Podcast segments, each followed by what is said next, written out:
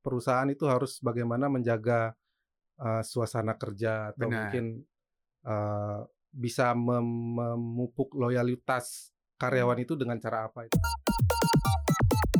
Jadi nggak melulu salary ternyata faktor utama untuk cabut, tapi kayak kayak gue nggak ada jenjang karir deh di sini karir gue mentok. Gak ada gitu. masa depan. Nggak ada masa depan. Benar, gitu. benar.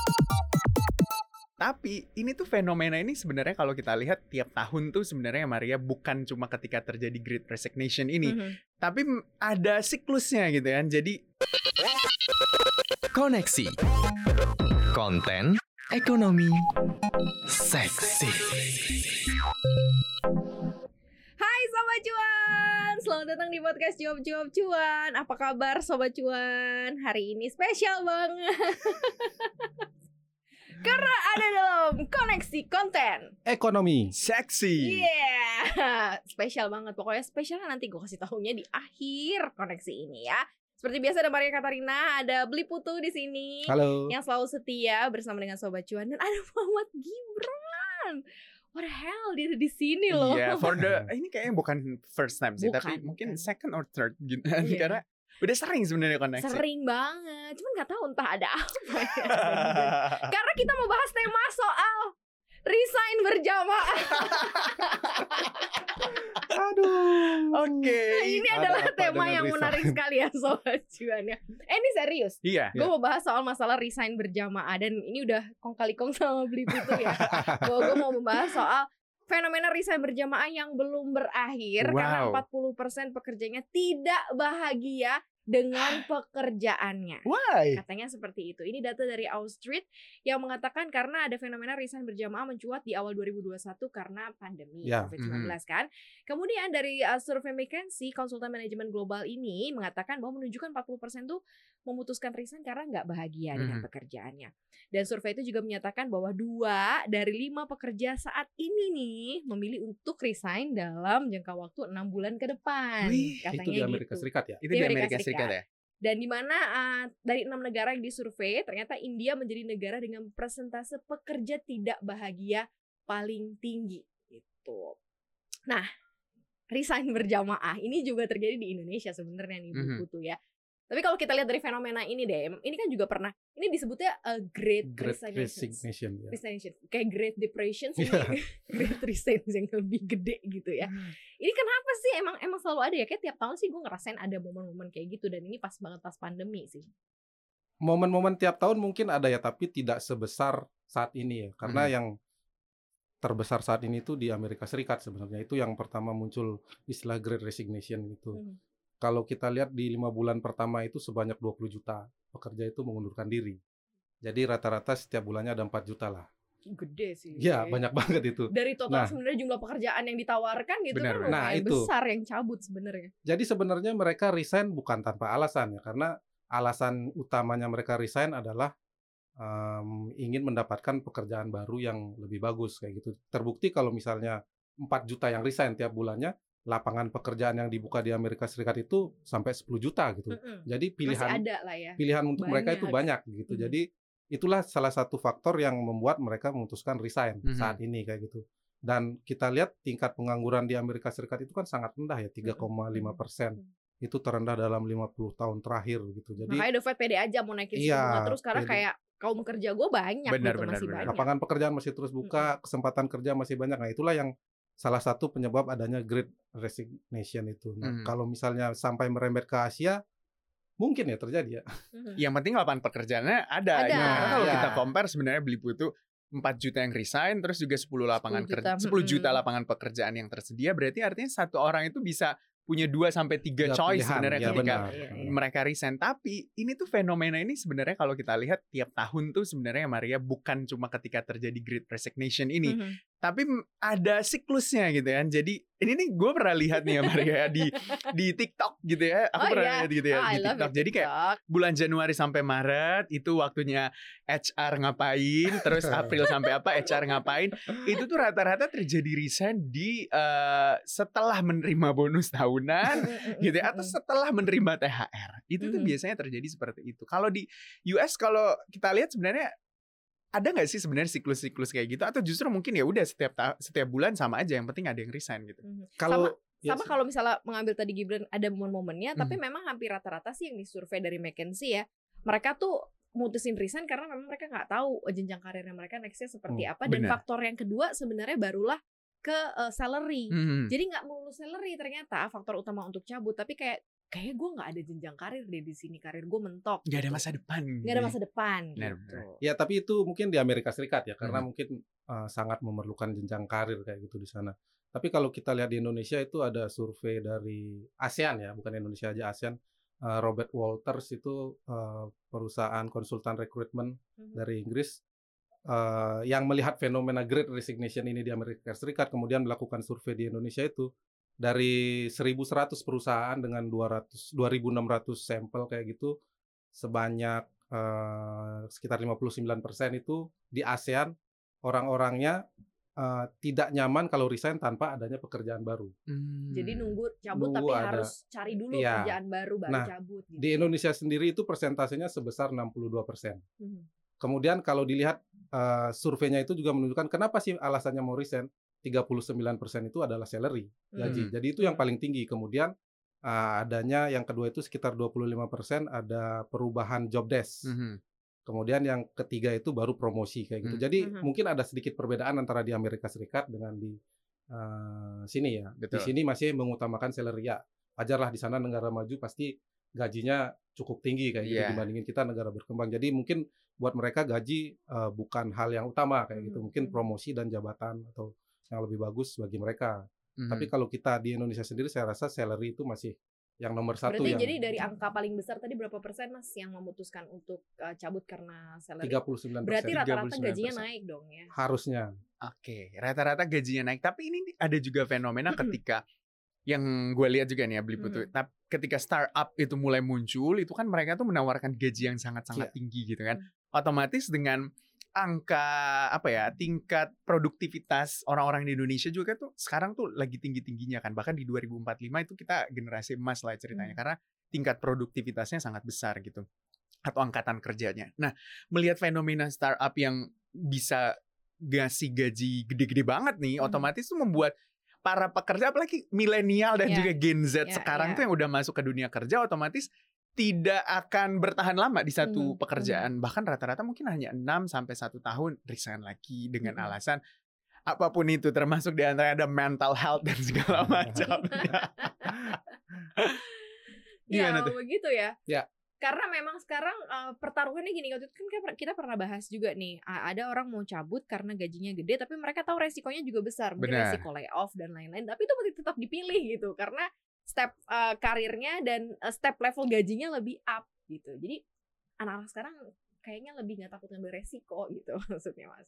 Iya, kayaknya itu udah rahasia umum ya kalau Mhm. anak-anak generasi milenial dan setelahnya itu sering loncat-loncat kayak gitu karena mungkin eh, perbedaan culture ya budaya Mhm. dari kita sebelum generasi milenial itu mungkin mencari pekerjaan itu agak susah. Benar-benar. Jadi eh, kita kalau sudah dapat pekerjaan itu biasanya pengen bertahan lah kecuali Mhm. memang ada yang lebih bagus kayak gitu kan. Mhm. Tapi kalau masuk generasi sekarang, generasi milenial itu eh, karena ada dig- digitalisasi, kemudian banyak startup, jadi apalagi tadi menawarkan gaji gede kayak gitu, sepertinya mindset mereka itu udah berbeda dengan Benar. generasi sebelumnya. Jadi Mhm. mereka melihat kalau misalnya memang punya kemampuan ya, khususnya di bidang di bidang IT kayak gitu, kalaupun masuk ke sini nanti di layoff di tempat lain pasti masih bisa kayak Benar. gitu dan mungkin dengan gaji yang lebih bagus. Mhm. Tapi bagi perusahaan kalau lagi great resignation segini menguntungkan nggak sih buat perusahaan? Perusahaan mengambil malah oh ya udah gue jadi bisa refresh, Nyari yang lebih murah mungkin. murah gajinya atau kayak gimana sih kalau buat perusahaan ketika lagi datang fenomena orang pada cabut rame-rame gitu? Kalau misalnya terjadi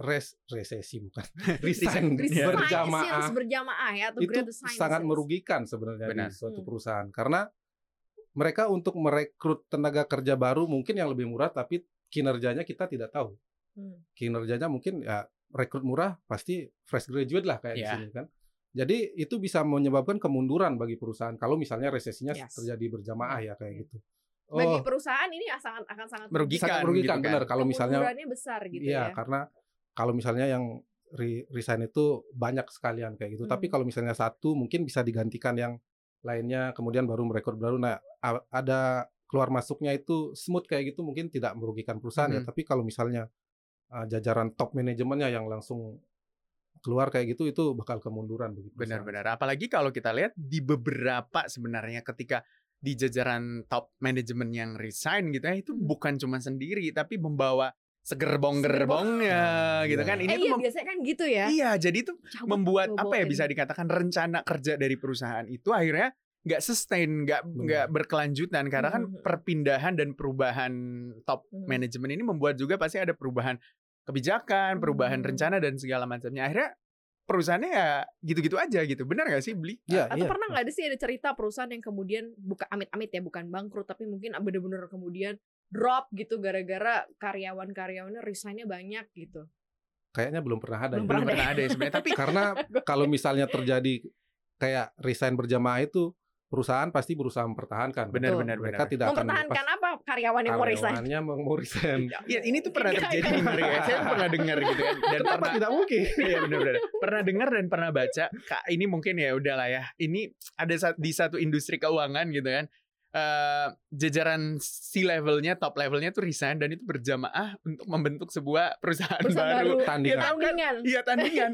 dan yang mereka buat di sebelumnya itu kan ibaratnya kayak eh, apa namanya eh, produk keuangan digital. Ketika mereka pindahnya itu atau membuat satu industri baru ini atau perusahaan baru ini sama tandingannya sama. Hmm. Akhirnya yang lama ini agak lebih tenggelam ketimbang yang baru ini karena itu segerbong-gerbong Karena mulai dari ini juga pentolan-pentolannya juga dicabut. Benar, ya, setahu saya itu gitu ya. direktur keuangan sampai dikecabut-cabut semua gitu wah. Buset gitu kan. Jadi Hmm. emang itu tuh yang sebenarnya harus diantisipasi oleh perusahaan juga ya Mas. ya. Iya, kalau jajaran top levelnya yang resign di membawa orang banyak gitu. Hmm. Karena Iya. kalau mungkin jajaran karyawan yang, Yang maksudnya biasa gitu, sampai level cimit-cimit. menengah lah ya, Hmm. resign satu dua orang, it's okay gitu. Tapi Hmm. kalau udah yang atasnya dan pindah sekaligus banyak tuh itu yang harus diantisipasi. Ya, makanya kan perusahaan itu harus bagaimana menjaga uh, suasana kerja atau Benar. mungkin uh, bisa mem- memupuk loyalitas karyawan itu dengan cara apa itu kan Ya, ya. fungsinya ada di HRD nanti mungkin uh, bagaimana suasana kerja yang bagus kemudian uh, gaji mungkin ya kalau misalnya resign kalau di Indonesia ya resign kan pasti ka- kalau survei tadi karena salary Iya. ketika ada yang narik mungkin tiba-tiba dinaikkan gajinya bertahan kayak gitu kan Mhm. ya bagaimana perusahaan itu berusaha menjaga semua sumber daya manusianya itu agar tidak uh, keluar lah kayak gitu itu Hmm. mungkin tugasnya di HRD nanti kayak gimana prosesnya itu yang membuat perusahaan bisa berjalan terus kayak gitu sih. Mhm. Cuman lucunya gini, ketika ada fenomena uh, great uh, resignations, terus ada fenomena karyawan bumerang. Eh, Yang ternyata mereka merasa bahwa ketika mereka cabut dan pindah ke kantor yang baru, merasa bahwa pekerjaan lamanya jauh, Jauh lebih, lebih better. Eh, Dan ini dialami oleh 43% yang orang berhenti eh, orang dari berhenti dari pekerjaan mereka selama pandemi sekarang mengaku bahwa kerjaan gue yang lama kayaknya Lebih lebih, better, better, gitu. lebih oke gitu. Nah ini akan seperti apa sih kan susah juga ya eh, ada resiko yang diambil apalagi eh, kalau misalnya urusan salary walaupun kita memang harus mengikuti masa probation salary gede tapi kan belum tentu berhasil juga gitu. Nah karyawan bumerang ini apakah akan diterima lagi oleh perusahaan? Balik ke mantan kan kayaknya enggak. Tapi ada beberapa perusahaan yang bisa menerima itu Ya, sebenarnya. Ada. Justru malah kalau dari survei di luar, kalau ada karyawan lo yang cabut dari perusahaan lo dan mau balik harusnya diterima. Iya, karena ibaratnya lu Karena udah tahu nih. star, Iya. Bener. Karena mereka bintangnya, mereka mereka udah ngerti harusnya gitu. Tapi kalau di Indonesia kayaknya enggak kamu. Enggak biasa Ah, gitu. Nerima mungkin mantan. ya. Eh, mungkin ya, tapi ya kita lihat realiti, realitanya aja kalau eh, saya sih di beberapa teman itu ada yang keluar keluar kemudian masuk lagi itu ada Mhm. dan mereka perusahaan masih welcome karena eh, perusahaan tahu kalau orang ini punya kemampuan kayak gitu. Nah, itu yang yang dilihat oleh perusahaan dan ketika mereka balik lagi mungkin akan bertahannya lebih lama karena kan setelah keluar merasakan di luar oh ternyata yang di luar sini dikasih sweetener, Iya, lebih banyak pemanis eh, gitu ya. yang di luar mungkin ya seperti tadi tidak seenak yang dulu kayak gitu Hmm. kerjaannya ya mereka akan lebih bisa lebih mau bertahan lebih lama sih Hmm. mungkin ya kayak gitu Iya, saya punya temen beberapa gitu ya. Temen lu banyak ya Banyak. Jadi ya. ketika mereka apa resign gitu, cabut, pindah ke sa- perusahaan lain dengan industri yang mungkin beda gitu. Mungkin setahun mereka kembali lagi ke perusahaan yang lama dan Mhm, perusahaan lama itu masih welcome aja karena eh, yang gue tanya misalnya di kenapa sih lu masih diterima gitu kan? Karena katanya akhirnya bilang ya selama di sini track recordnya baik-baik aja, aja. kerjanya bagus. Resignnya juga keluar Resignnya baik-baik juga keluar baik-baik dan alasan ketika resign bukan karena ada masalah atau sesuatu tapi mungkin mencoba hal baru dan segala macamnya. Akhirnya ya itu ketika dia comeback lagi HRD-nya menerima-nerima aja gitu Mhm. Itu kan tergantung sama masing-masing perusahaan. Masing-masing ya. perusahaan dan masing-masing individu juga. benar Nah ini untuk supaya kan uh, ya resign kan keputusan dari masing-masing orang ya nggak sih kan karena keputusan dia juga. berada di tangan dia kayak mau beli saham gitu. iya, tawaran juga datangnya ke dia kan dia yang ini. Nah ini sebenarnya untuk melewati masa fenomena ini apa sih yang harus dilakukan? Karena gini, jujur ya, gue kalau melihat ada teman-teman gue resign tuh secara psikologis gue tuh terganggu gitu tekanan mental gitu ya. Mental. Iya kan? Karena ada juga orang yang ikut Great Resignation karena ikut temen-temennya pada resign. Iya, benar, ada benar, juga benar, yang kayak benar, gitu benar, karena benar. ngerasa ih gue jangan-jangan salah tempat nih Mhm. gitu. Atau mungkin dia akhirnya kena imbas pekerjaan jadi ke dia semua Iya. gitu kan. Jadi ngerasa kayak oh kerjaan gue jadi banyak karena teman-teman gue cabut. Nah ini untuk mungkin ya sobat cuan yang sekarang merasakan nih ya di kantornya nih apa nih yang harus dilakukan kalau memang akhirnya teman-temannya kanan kiri kok cabut gitu kok gue kayak kanan kiri kanan Kanan kiri kok Ya. cabut semua Kalau- Kalau kita sebagai teman, sebagai karyawan, ketika ada teman yang resign itu pasti sedih. ya Tapi kita juga harus senang kalau misalnya teman yang resign itu eh, di pekerjaan selanjutnya dia Lebih dapat baik. lebih baik. Betul. Benar. gitu. Itu kita harus senang. Eh, sekali lagi itu keputusan masing-masing ya nggak bisa kita nggak bisa menolak bahkan perusahaan pun ketika sudah menjaga semua eh, environment karyawan dijaga dengan bagus ketika ada mungkin tawaran yang jauh lebih menarik datang ke se- seorang karyawan itu ya pasti bahkan diambil kayak gitu kan Hmm. itu juga perusahaan juga nggak bakal bisa menahan kayak gitu nah Tapi ada nggak sih perusahaan-perusahaan emang dengan sengaja gitu misalnya membuat orang nggak nyaman Heeh. gitu ada ada kan? ada pasti Jadi karena membiarkan gitu. karena kalau di Indonesia ya kalau kita mem-PHK karyawan itu kan berkali Ya, lipat ya, ya. Benar. pesangonnya Hmm. Tetapi kalau resign kan tidak mengeluarkan apa-apa. Jadi sengaja dibuat bagaimana karyawan itu tidak nyaman dan akhirnya resign. Jadi biaya untuk uh, mengeluarkan karyawan ini nol gitu. Jadi itu uh, ada di Indonesia kayak gitu sih. Hmm. Ya benar-benar banget setuju. Apalagi kalau misalnya melihat dengan fenomena resign dengan Gen Z dan juga generasi milenial yang apa ya kalau saya compare dengan kakek saya dulu itu tuh saya iya, kakek iya, lu. saya waktu itu kan pernah resign ya dari perusahaan sebelumnya terus masuk ke sini gitu kan. Itu tuh kakek saya bilang kenapa kamu resign gitu? Kenapa nggak mencoba bertahan iya, iya. aja Oh, selama iya, ini benar, dan benar, segala macamnya dan ya bisa dikatakan kalau orang-orang dulu itu benar-benar ya udah kalau punya satu kerjaan Oh, di situ iya aja terus loyal. sampai sampai tua, sampai tua pensiun. dapat top level di mana iya, gitu iya, kan iya, atau iya. jabatan apa yang tertinggi ya mereka ber- akan berkarir di situ. Mhm. Bener. Jadi udah beda sih, beda zaman, beda culture. Ya. Dan kita nggak tahu sebenarnya uh, Great Resignations ini memang terjadi karena memang uh, jumlah tawaran pekerjaan yang melimpah atau mungkin memang strategi perusahaan juga kita nggak tahu kan. Iya Siapa benar tahu benar. benar. siapa tahu emang itu strategi perusahaan sebenarnya untuk bisa uh, mengisi uh, lagi dengan orang-orang baru Mhm. gitu tanpa ba- dengan budget yang mungkin jauh lebih bisa di price ya kita nggak tahu Mhm. gitu tapi ya buat sobat cuan semua yang sedang punya pekerjaan atau akan ada pekerjaan baru seperti Aduh sampai batuk nih. sampai batuk nih.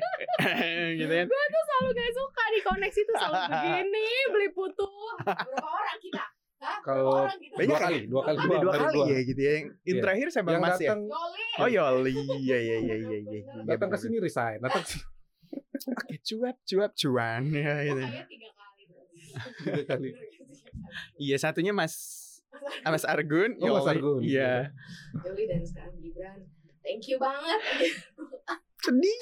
suara gue jangan nangis gitu ya. Tapi nggak apa-apa sih. Seperti yang tadi kita ceritakan bahwa sebenarnya ketika kita melangkah ke pekerjaan baru gitu itu sebuah pilihan gitu ya. Kak, kita nggak pernah tahu sebenarnya kita itu apa ya setelah ini misalnya di pekerjaan baru apakah akan kembali lagi A- a- atau justru terus melangkah ke depan gitu. Yang penting kalau menurut saya sih selama ada kesempatan gitu dicoba aja, diambil aja dulu gitu. Apa pun risikonya ya harus ditanggung sendiri gitu kan sama seperti beli saham.